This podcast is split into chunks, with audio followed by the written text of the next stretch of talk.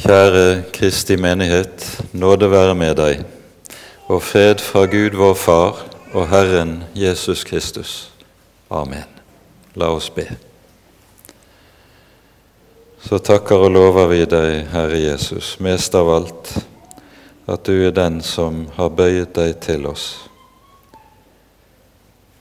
Du er den som har steget ned i det dype for at vi skal få lov til å bli Guds barn.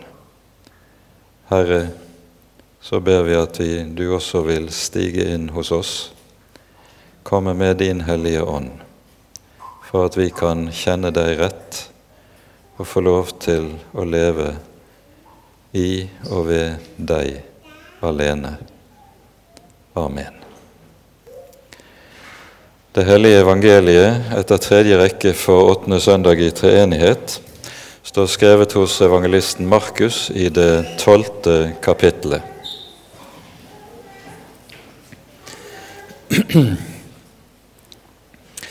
En av de skriftlærde som hadde hørt ordskiftet, forsto at Jesus hadde svart dem godt. Han kom da bort til ham og spurte, Hva er det første av alle bud i loven? Jesus svarte, Dette er det første av alle budene. Hør, Israel, Herren vår Gud, Herren er én. Og du skal elske Herren din Gud av hele ditt hjerte og av hele din sjel og av all din fornuft og av all din makt. Dette er det første budet. Det andre, som er like stort, er dette. Du skal elske din neste som deg selv. Det finnes ikke noe annet bud som er større enn disse. Den skriftlærde sa til ham, Godt, mester, det er sant hva du sier, at Han er én, og at det ikke er noen annen uten ham.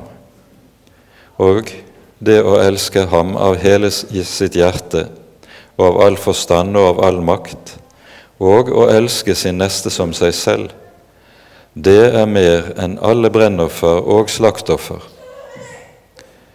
Da Jesus så at han svarte forstandig, sa han til ham, Du er ikke langt borte fra Guds rike. Og ingen våget å spørre ham mer. Dette var ordene, Hellige Far. Hellige oss i sannheten. Ditt ord er sannhet. Amen.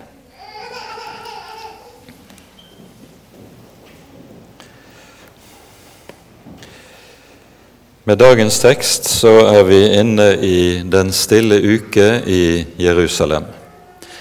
Og vi hører at der er Når Jesus besøker tempelet, så er det en rekke ulike grupperinger som prøver å stille Jesus til veggs.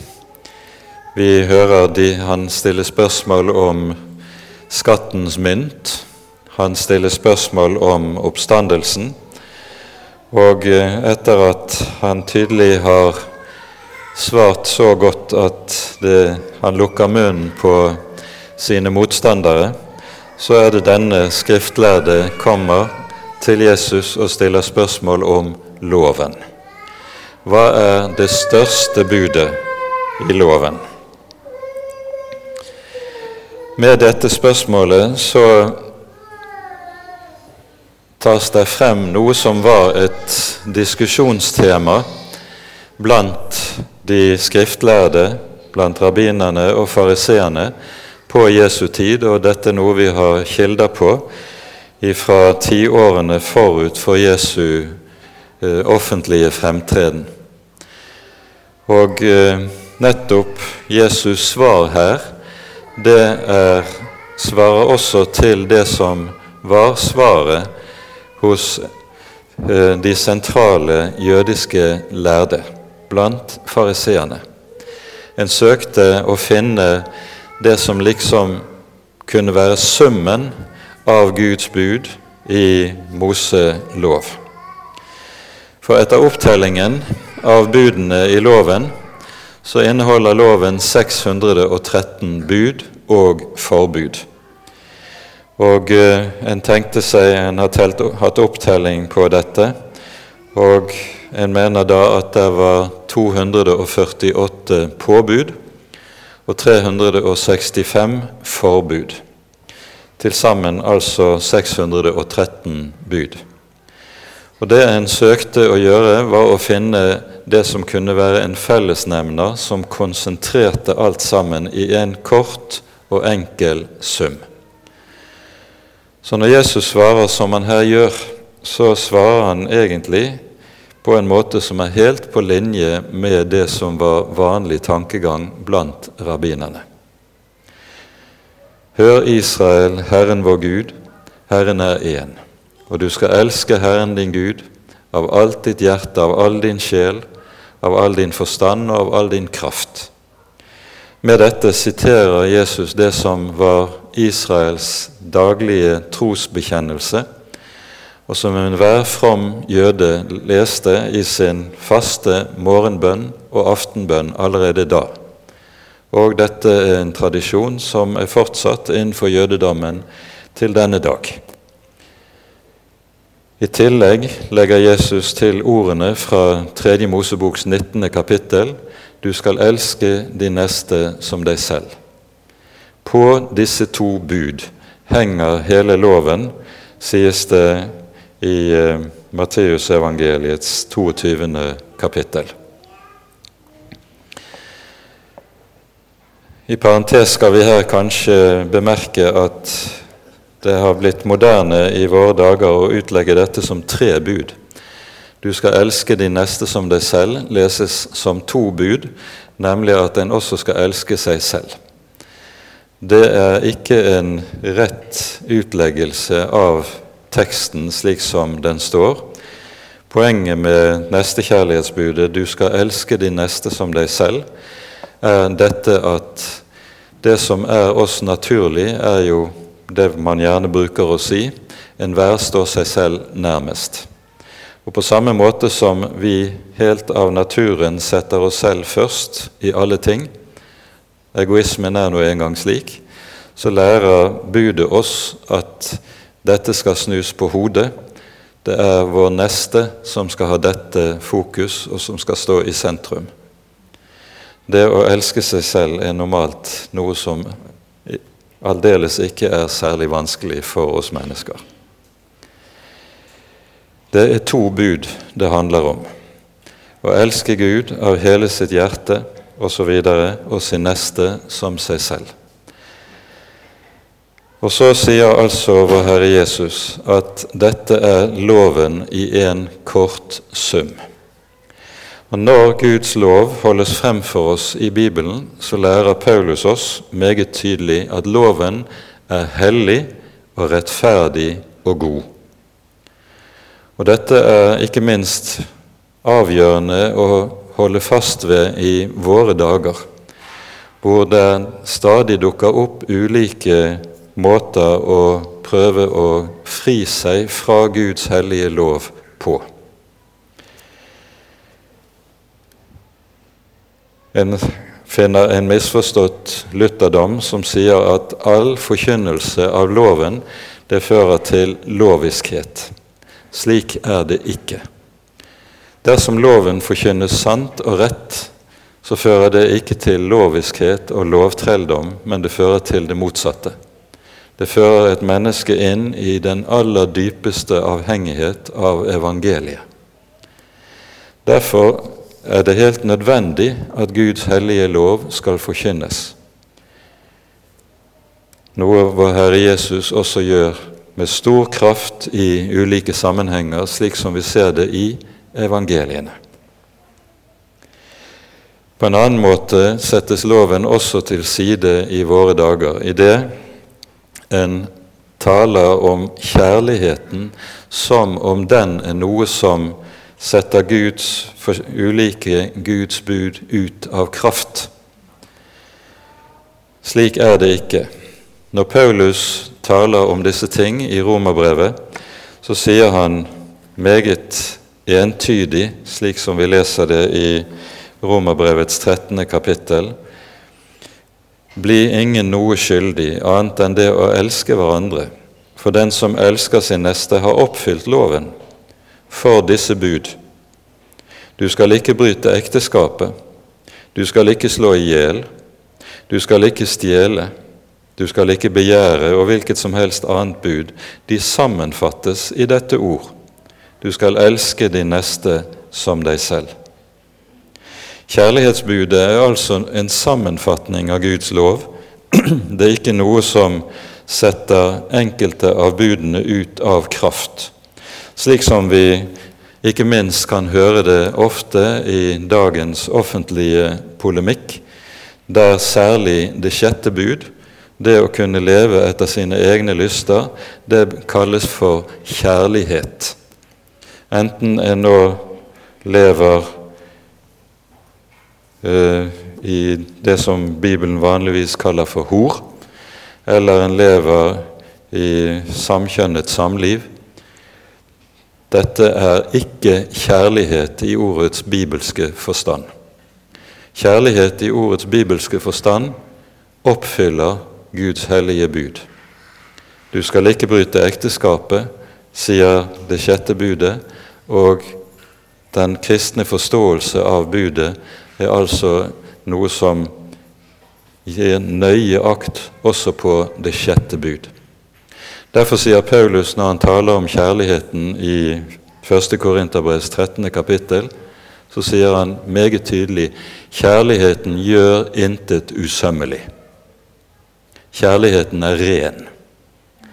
Og all den urenhet som vi i dag ser propaganderes på det seksuelle området, og som ofte kalles for kjærlighet, det er ikke kjærlighet i ordets bibelske forstand.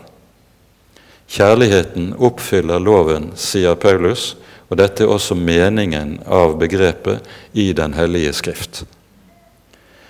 Dette er viktig å være oppmerksom på i våre dager, slik som utviklingen nå en gang er blitt. Det bibelske begrepet for kjærlighet i Det gamle testamentet og i Det nye testamentet heter det agape. Det er samme betydningen. Det betegner ikke følelser eller stemninger. Det er et begrep som ikke har det aller minste sentimentalitet liggende i seg. I stedet er det betegnelsen på viljen til å gi seg selv, til å ofre seg selv for den som er elsket. Derfor er kjærligheten noe som er villig til å sette egen, all egeninteresse til side. Det er det bibelske kjærlighetsbegrepet. Og Dette er avgjørende å være oppmerksom på i det vi her også har det egentlige forbildet på dette i Jesu Kristi person. I dette er kjærligheten ikke at vi har elsket Gud, men at Han har elsket sin, oss og gitt sin sønn til soning for våre synder. Kjærligheten åpenbares i, under offeret, i det og villigheten til å gi seg selv, ja, sågar til det å gi sitt eget liv. Det er det bibelske kjærlighetsbegrepet. Og Det er slik dette kjærlighetsbegrepet anvendes når det også taler om det kristne ekteskapet, når det taler om at mannen skal elske sin hustru, da betyr det helt konkret han skal være villig til å legge ned sitt liv. Legge ned sitt liv for sin hustru. Jesus underviser altså om loven og hva Guds hellige lov har å si oss. Og Det som da også er viktig å være klar over, i denne sammenheng, er at Guds lov overhodet ikke er noen frelsesvei. Loven er god. Den er hellig, rettferdig og god, sier Paulus. Og den åpenbarer det som er Guds grunnleggende vilje med menneskenes liv, slik Han har skapt oss og ment at vi skal leve her i verden. Men når fallet kommer inn og drar oss alle med ned i synden, så blir loven noe som blir umulig for oss som frelses vei. Og det er der menneskene stadig bommer i det de tenker at det å oppfylle Guds bud på ulike måter, det er det som skal bringe en nærmere Gud, bringe en i kontakt med Gud, eventuelt føre en til himmels. Frelsens vei er noe ganske annet. Ja, den er det stikk motsatte. Når Jesus sier 'Du skal elske Herren din Gud' av alt ditt hjerte, av all din sjel, av all din kraft og av all din forstand, så er det noe som er dypt, dypt alvorlig ment. Og så skal du samtidig vite at frelsen henger på at Han som har gitt dette bud, Han som er Gud av evighet, som kommer og kler seg i vårt kjøtt og blod og blir menneske og dør på korset for vår skyld. I ham så åpenbarer Gud at han har elsket deg og meg av hele sitt hjerte, av hele sin sjel, av all sin forstand og av all sin kraft. Det er det Gud åpenbarer på korset, og det er det som er frelsens vei. Der er det frelsen ligger. Det er det som er frelsens hemmelighet.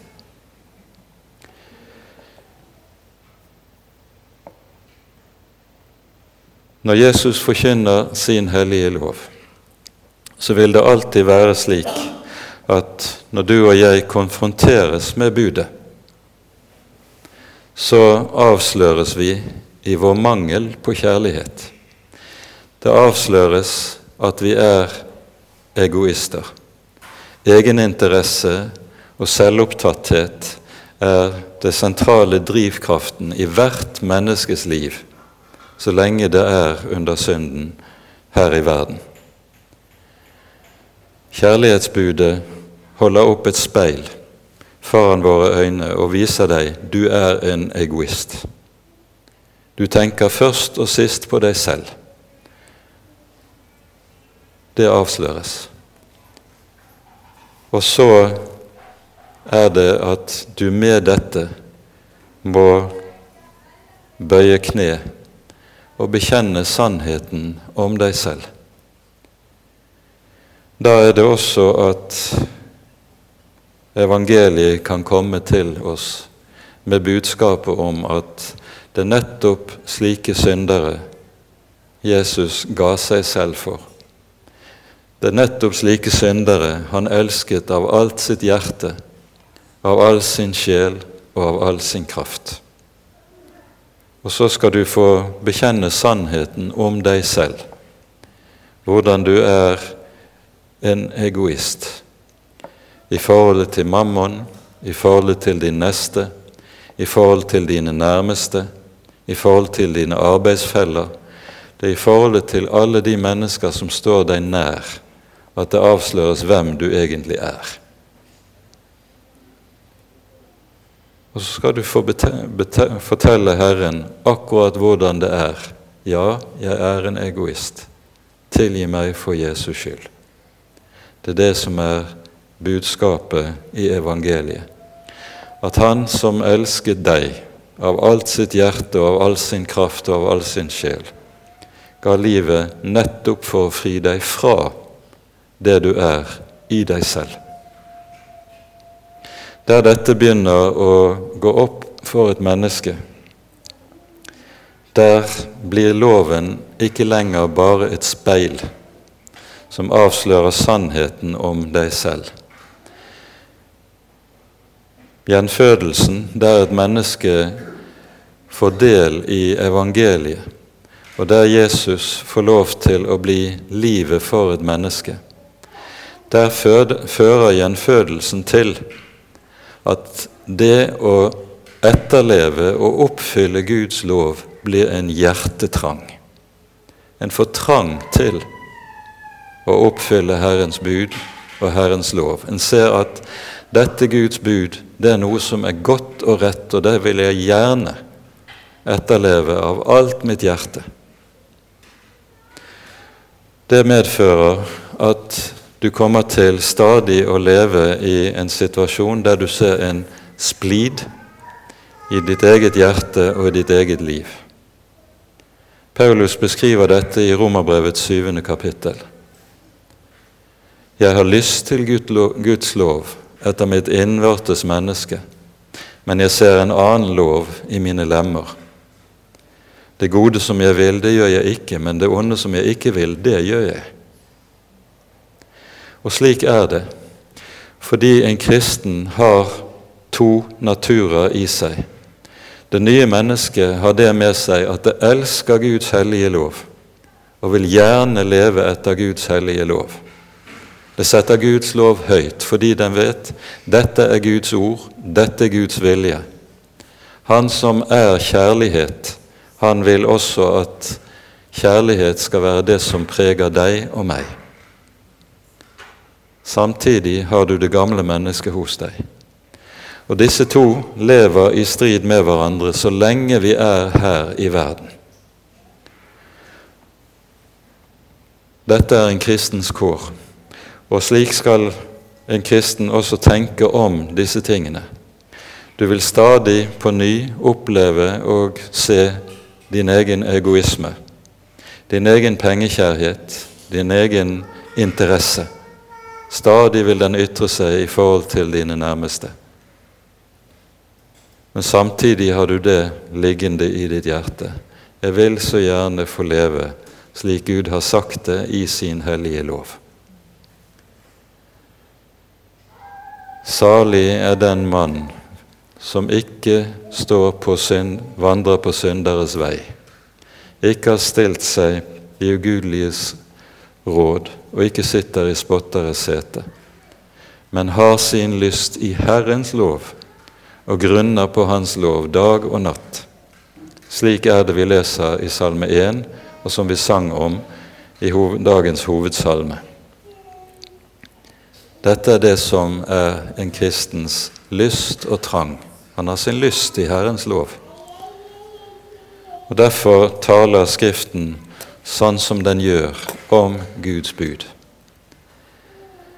Her møter vi altså det avgjørende som Bibelen lærer oss om å tenke rett om loven. For loven er hellig, den er rettferdig, og den er god. Du er ikke hellig, du er ikke rettferdig, du er ikke god når det gjelder ditt gamle menneske. Og så lærer Guds hellige lov deg hvordan du skal døde og korsfeste det gamle mennesket som du fortsatt har hos deg, og som kommer til å være der like til din siste dag. Og Nettopp fordi loven slik blir et hjelpemiddel for det nye mennesket, til å døde det gamle mennesket hos deg. Derfor er loven også noe en kristen skal takke og love Gud for og anvende på seg selv og på sitt eget hjerte hele livet igjennom. Loven blir aldri frelsesvei. Frelsen er gitt meg i Han som ga seg selv i mitt sted. Men loven blir det som hjelper meg til at gamle Adam ikke skal få lov til å få makten å utfolde seg etter egen lyst og vilje gjennom livet mitt. Dette er måten vi skal øve oss i å tenke på. Og slik er det både vår Herre Jesus og hans apostler taler om disse ting. For vi vet at livet, livet er gitt oss i evangeliet om Jesus han som elsket meg og ga seg selv for meg. Men den dødelse som er nødvendig av det gamle mennesket, den hjelper loven meg med så lenge jeg er her i verden. Og Derfor vil en kristen takke Gud både for evangeliets ord, som har gitt meg livet, og for loven, som hjelper meg at gamle Adam ikke skal være den som seirer her i verden. Med dette er det vår Herre Jesus forkynner Guds lov for oss. Du skal elske Herren din Gud av alt ditt hjerte, av all din sjel og av all din kraft. I det du vet at i dette er kjærligheten, ikke at vi har elsket Gud, men at Han har elsket oss først og gitt sin Sønn til soning for våre synder. Amen. Ære være Faderen og Sønnen og Den hellige ånd, som var og er og være skal, en sann Gud, høylovet i evighet. Amen. Vi synger så salmen på nummer 505. Du skal alene, store